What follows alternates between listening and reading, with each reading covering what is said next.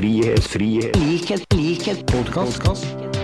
Velkommen til episode 53 av Frihet, likhet, podkast her på mitt kontor. Jeg er som vanlig Torstein, og med meg har jeg Eva.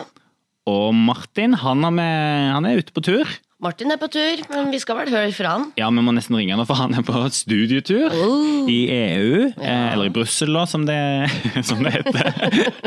Så han må vi ringe opp vår eh, nyslåtte eh, europakorrespondent eh, der, altså. Nede Ja. og sjekke og, sjekke og lære. Eh, på sakslista Eva, så har vi egentlig litt sånn eh, småaktuelle eh, saker. Og ikke minst, vi må ut av andedammen. Absolutt. Både ned til EU og eh, bort til Iowa og USA og primærvalget som er i gang. Eller ja, i gang og i gang, men de holder nå i hvert fall eh, på det borte. Høres det bra ut? Mhm. Vi banker gjennom den. Eh, det er samefolkets dag i dag. Ja.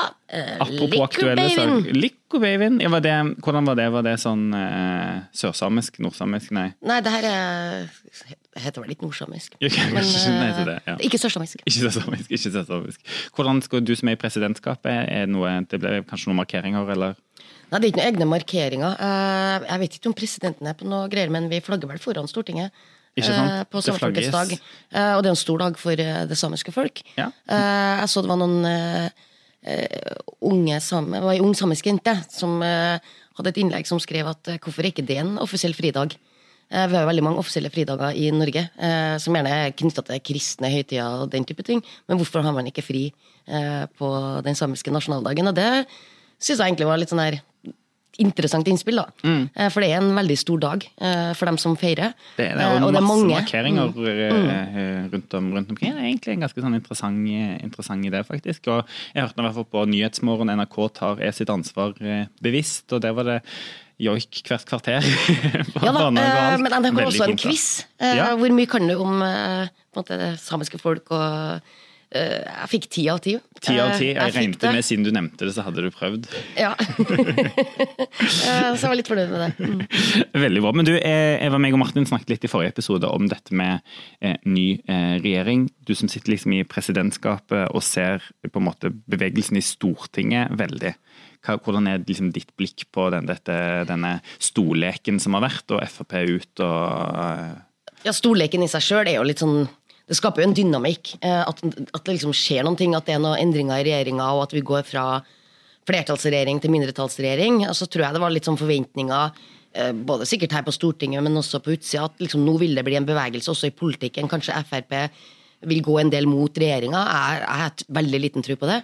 Eh, For man slutter jo ikke med de samme tingene som man mente før. Er, vi har en blå regjering, og med et veldig blått Frp i Stortinget. Eh, Så jeg tror tvert imot at kanskje politikken blir enda mer blå. Mm. Fordi at Frp kommer til å kjøre mer på sine primærstandpunkt, som driver regjeringa i den retninga. For regjeringa må jo ha et flertall i Stortinget for å få gjennom sakene sine. Så jeg tror kanskje vi får mer blå politikk. De har jo allerede fremma mye forslag. I Eh, ja. går var spørretimen eh, om IS-barna, fordi liksom Frp får lov til å dominere en halvtime der. ikke sant? Så- Ja, og Frp har jo tjent på den her eh, Eller tjent på å gå ut av regjeringa, åpenbart. Det ser du jo på meningsmålingene. Eh, og jeg merker jo Siv Jensen i Stortinget at nå er mor tilbake. Nå har liksom drevet samle flokken, og eh, det var jo veldig mye sånn soloutspill da, både i forkant og når det regjeringsskiftet skjedde, fra enkeltrepresentanter i Frp. Men nå tror jeg de kommer til å gå mer i takt. Eh, for nå er Siv tilbake i Stortinget. Nå er det orden. Og jeg tror de kommer til å egentlig presse regjeringa i mer blå retning enn de fikk det på innsida. Eh, og det er bekymringsfullt for eh, norsk politikk generelt, at vi får enda mer blå politikk. Eh, og jeg må jo si det at Eller jeg er litt deppa da, for at Knut Arild Hareide gikk inn i den regjeringa. Han som har vært så kritisk til Frp. Og det, det som skjer nå, er vel at kanskje at Frp får enda mer innflytelse i norsk politikk. Eh, og så velger han å gå inn i den regjeringa, og jeg er jo veldig glad i Knut Arild Hareide. Ja. Eh, så jeg var litt sånn skuffa over at han gjorde det. Jeg må bare være så ærlig og si det. Ja, ja. Eh, at han liksom velger å gå inn der, at det liksom er bedre nå. Nei, de er fortsatt eh, ei regjering som lener seg på Fremskrittspartiet. Jeg har kjent litt på det samme, og er i hvert fall helt sånn enig. Sånn, Siv Jensen har gjort et enormt smart maktgrep i Fremskrittspartiet. På en måte fått eh, ro i leiren, samla flokken, slutt på alle de der eh, utspillene og gjort det hun kan han for å befeste sin posisjon Ja. i Fremskrittspartiet. Og det er jo egentlig det samme som Ropstad gjorde i KrF nå. Mm. Med å hente Hareide inn i regjering, så bygger han på en måte en bro mellom den der, de to fløyene som var. Og jeg tror det, jeg tror det er mange som føler som, ja, som du sier, og som jeg er enig i, Eva, at en er liksom litt, kanskje litt overraska, litt sånn skuffa. Veldig sånn blanda følelser da, med at eh, Hareide nå plutselig er inne i en regjering. Eh, han var så mot, der ingenting på en måte har endra seg. Frp fortsatt liksom Akkurat samme politikken de eh, fører. Det er jo Ja. Granavolden-erklæringa de fortsatt skal eh, styre på, og den hadde jo Frp solid innflytelse på. Og regjeringa skal fortsatt styre etter den. Sånn at det er ikke noe som har endra seg politisk. Sånn at når Hareide da velger å gå inn i den regjeringa, så legitimerer han jo det som han tidligere var imot. Eh, Men den får nå, jeg blander meg opp i hva andre partier gjør.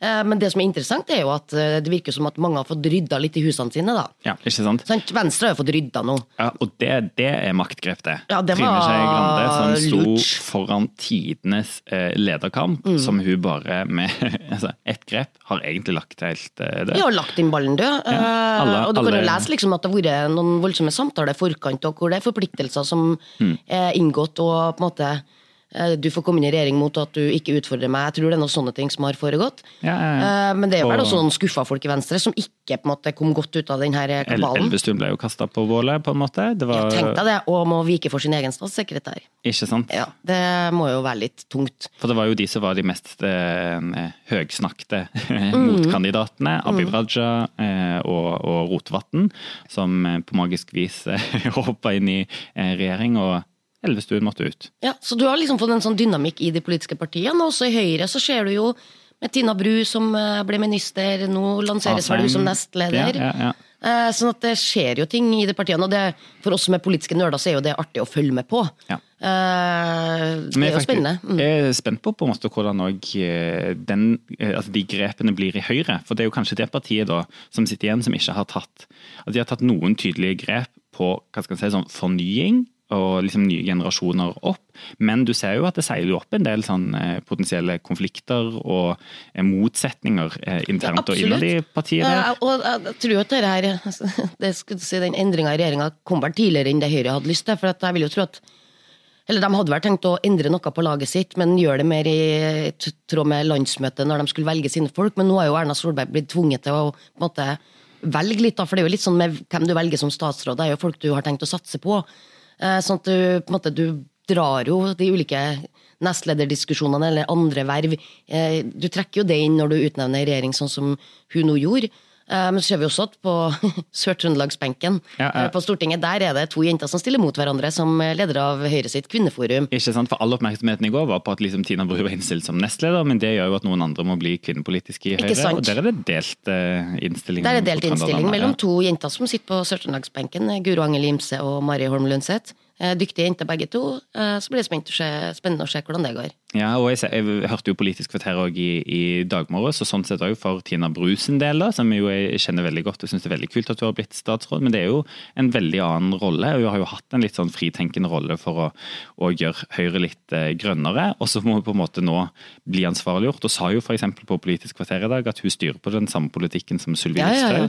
Og, det- og må si nei til veldig mye av de, der, de, de politiske forslagene som, som nå kommer. Så det er, det er litt sånn på, på godt og vondt, og gjør det nok litt vanskelig for Høyre å manøvrere her. For det er kanskje de som må manøvrere mest, da, når du ser på de tydelige grepene som Ja. snakket om som er gjort i de andre, de andre partiene. Men den politiske situasjonen er den samme. Den Vi har en blå samme. regjering med et mørkeblått Frp i Stortinget, så dem som tror at det skulle bli noen store endringer, det er feil. Det er helt sant. Og dette, dette er to be eh, continued, altså, men Oh, det blir spennende å følge. Men du Eva, du har trumfa gjennom en sak Ja! på sakslista Ja. i dag. Ja. En veldig aktuell sak, var til og med debatt på Dagsnytt 18 Ja, ja, ja, ja, ja. i går diskusjon. den dag. Fra bølle til bestevenn. Ja, et fantastisk eh, hundeprogram på NRK, hvor man har funnet problemhunder. Eh, Sånne som ikke vil gå i bånd, folk som eh, biter etter folk, bjeffer etter biler. Eh, ja, det, så man skal liksom prøve å oppdra dem da, til å bli bedre hunder. Ja, ja, ja. Og det tenker jeg bare, det er mye å ta tak i der. Og det er så mye å ta tak i. mye løgne hunder rundt omkring. Jeg har jo ikke hund, men som folk kanskje har fått med seg, du er Hva kaller du det? Hundedama? Eller? Nei, Det er ikke det. det. Tussete hundekjerring. Nei da, jeg, jeg, jeg, jeg er jo sånn der dyreelsker. Jeg har alltid vært det. eh, Og jeg har hund. Eh, Og jeg følger jo det her programmet med også som en hundeeier eh, sitt, eller fra en Ja, hundeeier sitt ja, ja. ståsted. Så du sitter liksom og nikker og Jeg kan se veldig for meg at du sitter liksom og kommenterer. Ja, det, det, vi har sånn stor diskusjon i heimen. Eh, Men vi syns at hun som trener opp til hundene, er kjempeflink. Men det er en favoritt, da. Eller det, er en hund som er verdens største hund, som heter Anton. Ja. Og han Så favoritt, er så favoritt, det betyr mest håpløs? Ja, eller han er en personlighet, da, men han er jo helt håpløs. Han er så bortskjemt. Eh, og så er det store utfordringer å få det der beistet inn i bil. Eh, og han nekter. Han nekter å gå inn i bil, eh, unntatt én bil. Og det er liksom faren i huset sin Mercedes. Så han er jålete, vet du. Eh, Anton han kjører kun Mercedes. Eh, og han er et eventyr, den her hunden. Men det som er litt artig, er jo at denne eh, programmet her er jo trigga sånn der Hvor streng kan du være med en hund? Ja, og Eh, og den var- debatten på Dagsnytt 18 i går var jo et eventyr. Det var, det var det som ble rett og slett løfta inn i Dagsnytt 18 på et litt sånn nesten sånn Ja, og de hadde politisk henta inn en sånn terapeut for selskapsdyr. Ja, det visste Eh, jeg. Det var jeg ikke visste fantes. Jeg heller visste ikke det. Og min mann han lo så høyt når han skjønte tittelen til hun dama. Eh, Men der er det sånn at du skal ikke si nei til hunden. Ja, ikke, jeg hørte det tilfeldigvis debatten. Skal ikke liksom trampe og være streng. Nei, jeg skal ikke være streng. Eh, Så jeg er da en mislykka hundeeier i så måte. For jeg tenker at av og til så må man være streng og sette grenser.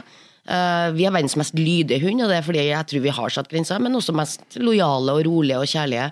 Så jeg har sånn trua på at være konsekvent, men også gi masse kjærlighet. Det er trikset med dyr, da, tenker jeg da. Ja, ikke sant? Dyr og mennesker. Det ble jo liksom eksempel ja. i debatten òg, at hvis liksom et, eh, et lite, litt ulydig barn springer ut av veien, du setter ned foten og stopper det barnet. Du så sier er fri oppdragelse.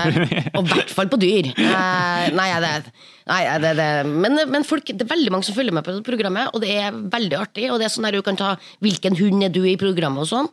Eh, jeg ble ikke han der Anton, da. Det ble ikke jeg. Og det er jeg litt glad for, for det betyr at du er kjempestor og bare ligger og ikke vil gå inn i bilen.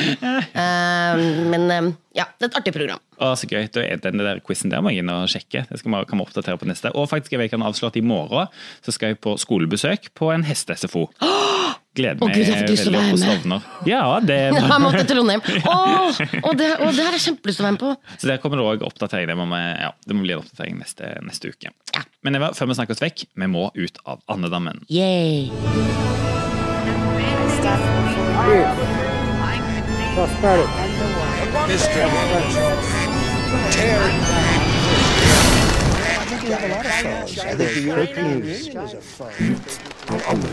først ut i Ut i andammen i dag ringer vi opp vår eh, nyslåtte eh, EU-korrespondent Martin eh, Henriksen. Han er, er var nede i EU på noen sånne studieturgreier, så vi får se om han har eh, tid til oss. Ja, interessant. Hallo. Hallo, er det EU-korrespondent Martin Henriksen direkte fra studietur i Brussel? Det er det. Linko Beivin, forresten. Gratulerer Ja. med Sommerfolkets sak. Yay! Yay, jeg sitter og tar sånn samekviss nå på eh, NRK. Jeg er god. Jeg kan masse om samiske folk. Men du Martin, hva, eh, la oss starte. Hva, hva gjør du nede i Brussel nå? Du er jo ikke sendt ned for å eh, ja, være med på pod. Nei, det er ikke. Jeg Jeg er på studietur. Stortinget har sånn eh, årlig studietur der man sender nedover en 10-12 stykker. Og så eh, skal vi lære om EU og EØS og EFTA og forholdet til alle, alle våre viktige partnere nede i EU. Det er jo ganske interessant. Plukker med meg masse gode argumenter for EØS, f.eks. Som jo er litt over middels nerdete opptatt av. Nå, nå ser eh, visepresidenten litt sånn eh, strengt eh, over brilleglassene her. Jeg tror jeg har et spørsmål til deg. Eh, Hva har Stortinget sin Ok. eh, nytte av denne studieturen? Hva har vi igjen for å sende deg ei uke til Brussel, Martin Henriksen? Ja, det har jeg lurt på sjøl, faktisk. Men det tror jeg Nei, vi må jo Det er viktig at det er viktig at vi i Norge kan noe om EU, selv om vi ikke er med. Jeg mener jo ikke skal bli med EU heller, men det er jo den viktigste handelspartneren vår. Så alt som EU bestemmer seg for å gjøre, stort sett får jo eh, påvirkning på Norge. Så ikke minst så må vi jo bli mye bedre på å påvirke prosessene i EU og få, eh, få gjennom vårt syn før EU-parlamentet og kommisjonen og sånt, eh, slår klubber i bordet og bestemmer. Det er da vi har muligheten til å påvirke. Men, du Henriksen, er det et hardt møteprogram? Ja, faktisk. Altså, det er fra åtte om morgenen til fem-seks på kvelden, og så er det gjerne en middag med en ambassade eller næringslivsbedrifter. Ja. Uff da, så trasig. Ja. Ja, uff meg. Ja, vi, har mer, det, vi har bare merket oss til dere at mye av snapsene handler om det der etter klokka fem. Det var bare det, egentlig. Men du har eh, du, du, Sånn er det jo. Det er begrensa det hvor morsomt, eh, morsomme snaps det blir fra eh, samme møterom tre-fire dager på rad. Men du, sånn, eh, du er jo, eh, som, oss andre her, eh, mot norsk EU-medlemskap. Men har liksom det endra seg? Synet på EU endra seg nå etter å ha vært der nede et par dager og drukket litt øl og sånn? Nei, det har det ikke. Jeg er blitt mye mer for EØS, da. Enda mer for EØS. Men det, som er, det som er utrolig kult med å være her nå, og som eh, til og med jeg må strekke meg så langt om å gi EU ganske mye kreds for det, og det alle snakker om, det er jo klima. Altså European Green Deal, som skal, kommer til å påvirke alt EU gjør de neste årene. De skal investere en trillion euro de neste årene på klimatiltak. Det syns jeg er eh, Ja, ja, ja. Men du Martin, har du sett Grand Plass, eller? ja da, selvfølgelig. Det må man alltid innom. Rigmor Aasrud som er med her, hun sier at, eh, at hun har vært i Brussel sånn her 30 ganger, men hun kan ikke dra fra Brussel uten å være innom Grand Plass. Hun dro hele gjengen med dit på eh, tirsdag. Eh, Men også, det, jo, det har jo vært en ganske heftig uke i EU, dette med, med brexit eh, og alt. Er det liksom det som alle snakker om, eller er det drit litt i det? Ja, det er, det er klima, altså det er Green Dealen, og så er det brexit alle snakker om. Og det som er litt, uh, altså det som jeg ikke var helt forberedt på altså Jeg visste at brexit var en, uh, var en big deal her nede, men det er jo hvor personlig veldig mange tar det. altså Enten det er svensker eller uh, tyskere eller polakker vi møter, så er de litt sånn, her, sånn trist og lei seg på sånn personlig plan. Og på fredagen når, når eh, Storbritannia gikk ut av EU, så var det liksom, tente de lys foran EU-parlamentet, og nesten som sånn eh, så- sånn vake, liksom begravelsesvake. Så det, er sånn det går liksom inn på folk utover, eh, utover politikken og handelen. Det, er, det var ikke jeg helt klar over. Men du Henriksen, sånn Green Deal, er det på McDonald's eller på Burger King man får det? Ja, nei, det kan du spørre om. På Mac- Mac-kommisjonen. Ja, De kan jo levere varene og lage, lage gode, gode deals, de òg. Eh, Martin, stemningen i, i, i Storbritannia var jo helt den motsatte. da, så Der var det feiring og fyrverkeri og gatefest. I EU så, så, så på en måte så tenner de, tenner de lys og har på en måte nesten eh, begravelse. Er det fordi de er liksom redd for eh, smitteeffekter og sånne type ting, eller er det det at de har mista gamle venner? Ja, nei, det, men det var, nei, det var en som sa det, en, sånn svensk eh, europaparlamentariker som sa det at eh, og De blir jo lei seg, fordi de blir jo venner med det her. Da føles det som at en venn forlater liksom, eh, selskapet. Men, men jeg tror ikke EU er, EU-landene så veldig bekymra for noen smitteeffekt. Tvert imot så har jo oppslutninga om EU økt i veldig mange land pga. brexit. Og de forholder seg jo sånn ekstremt saklig til selve utmeldelsen og forhandlingene de skal inn i med, med Storbritannia. Så jeg tror ikke, jeg tror ikke de er liksom, overmåte bekymra, for å si det sånn. Men det er klart, det er jo tusen ting som må på plass før, eh, før de har fått på plass en skikkelig eh, skilsmisseavtale med Storbritannia. Eh, Men det vi prøver å spørre om her, det er jo hva det har å si for Norge. Både Green Deal, men også, også brexit. Og der er det ikke alt det er klare svar på ennå. F.eks. norsk fisk. Hvordan vi skal få forhandla fram det. Er det spennende, men eh, vi skal ikke holde deg vekke fra det tunge faglige programmet. Jeg ser klokka tikker mot eh, fem, så det er sikkert mye på tapeten i, i dag òg. Så du får ta en ny oppsummering når du er til, tilbake neste uke. Ja. Heia Even. Heia, heia! Ja, Eva, det var et litt lattermildt, litt, litt lattermild prat med, med vår eh, europakorrespondent. Ja, jeg var litt slem, men uh, han var veldig seriøs, og jeg tulla litt med han. Ja, han har vært på veldig mye viktige møter og lært veldig mye. Blitt veldig Enda mer for EØS. Ja, men det er bra, det. Det er veldig, ja, det er veldig, Ja. veldig bra. Men du har presidentskapet vurdert om på en måte etter å ha vært på sånn studietur at du må ha en sånn prøve eller hjemmelekser eller skrive en liten Og det har vært så fint, det. Ja. Eh, At alle må skrive en Vise eh, liksom, at en har møtt læringsmålene og sånn. Sånn er det jo i skolen. Ja, men faktisk, eh, man driver og diskuterer litt at man skal gjøre litt mer med koordinering med alle dem som er ute og reiser. For at det er jo veldig mye reisevirksomhet på Stortinget, og det er viktig at Stortinget har noe igjen for det. Ja, ja, ja. Dette ja, det er to be continued, Mm. Ja, diskusjonen. det er to be continued. Men vi må eh, enda lenger vekk holdt jeg på å si, over den faktiske andedammen og bort til USA. Ja. For der er eh, sirkuset i gang. Det På så mange plan.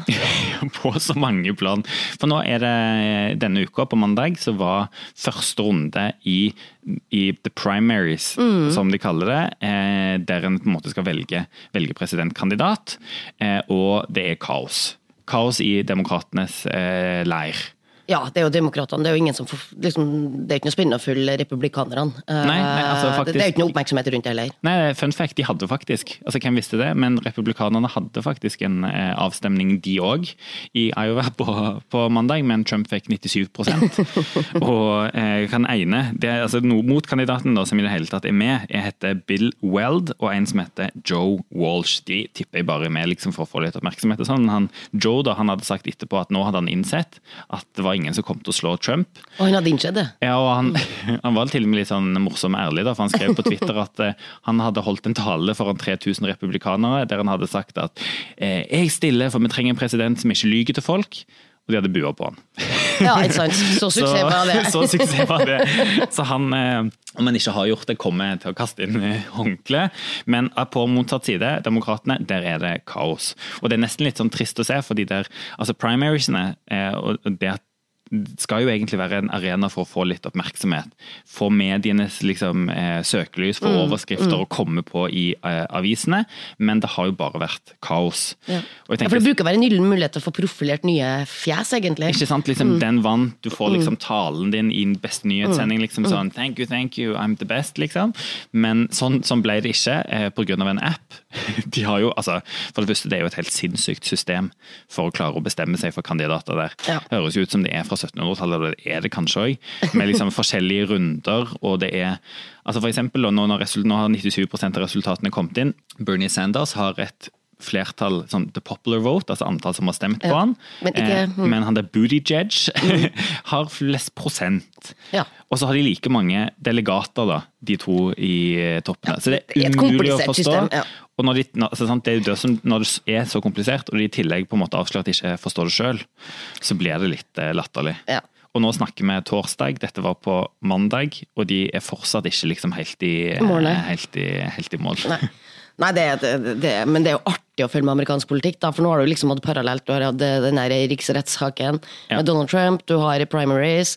Uh, vi hadde State of the Union, hvor Nancy Pelosi gjorde et stunt og reiv sund talen til Trump etterpå. Så det er jo, det er jo veldig sånn sirkus. Veldig, veldig Eh, sirkus. at alt er liksom veldig drama. Trump nekter å hilse på Nancy Pelosi.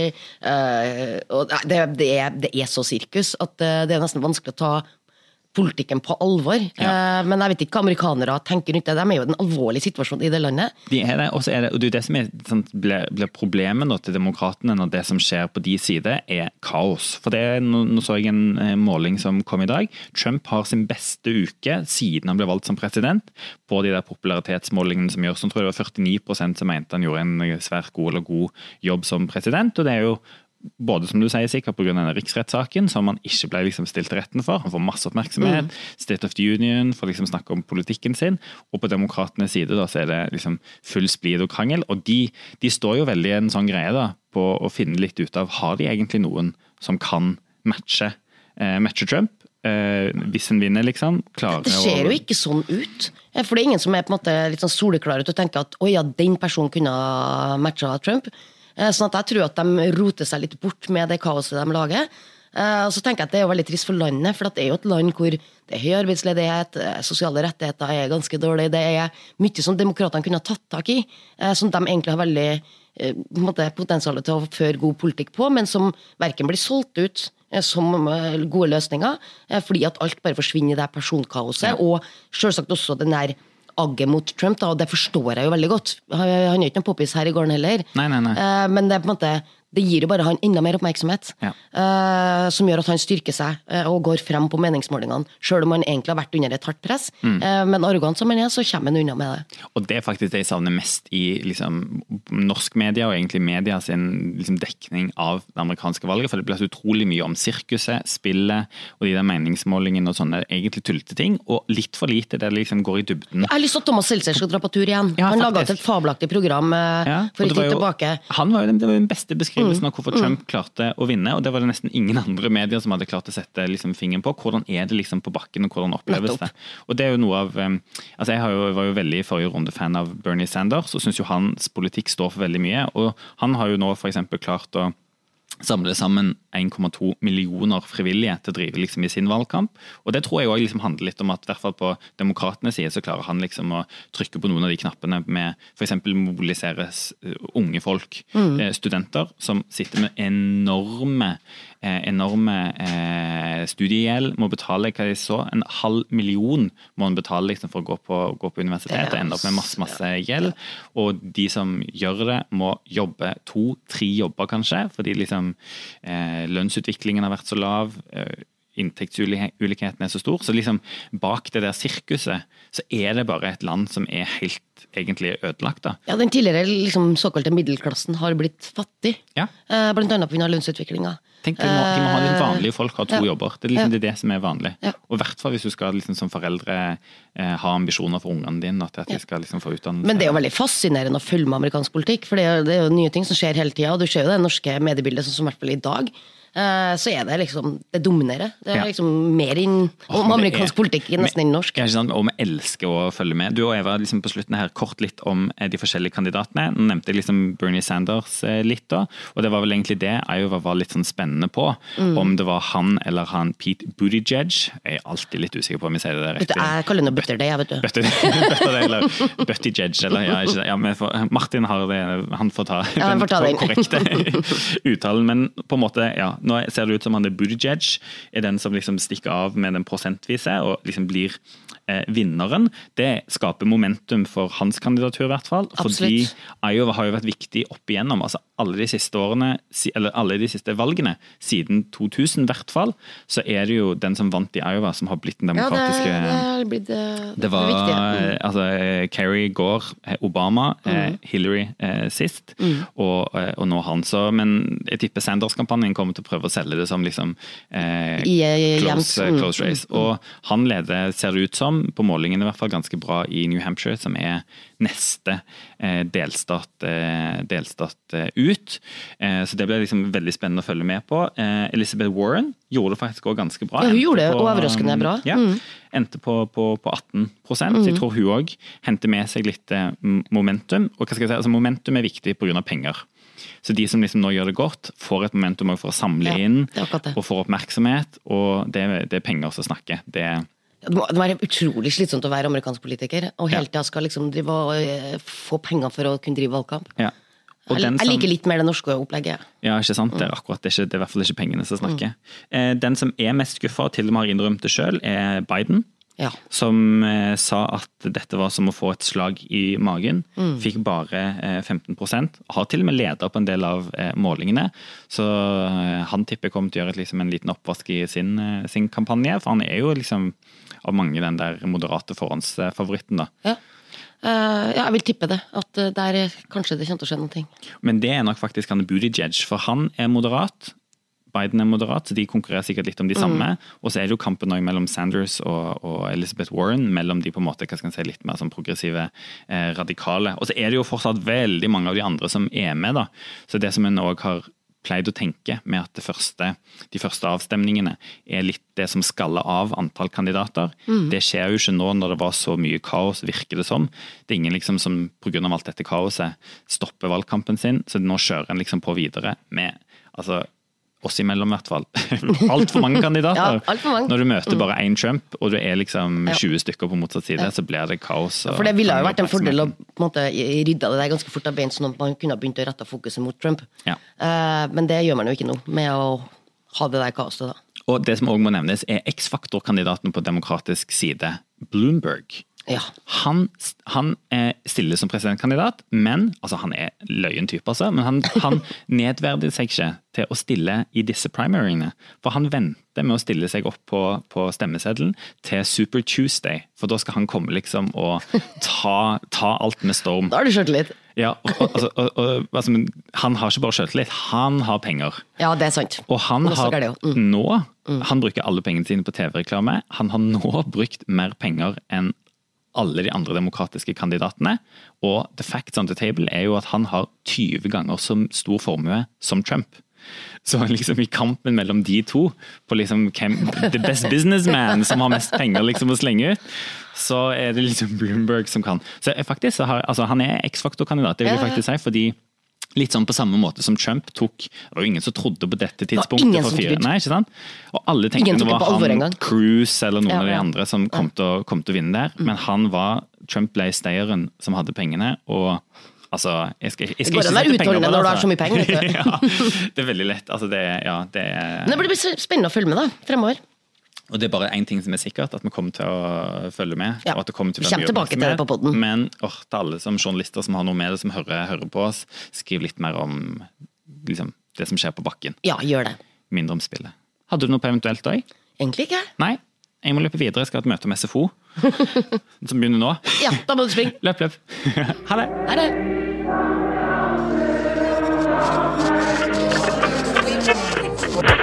Frihet, frihet, likhet, likhet, podkast.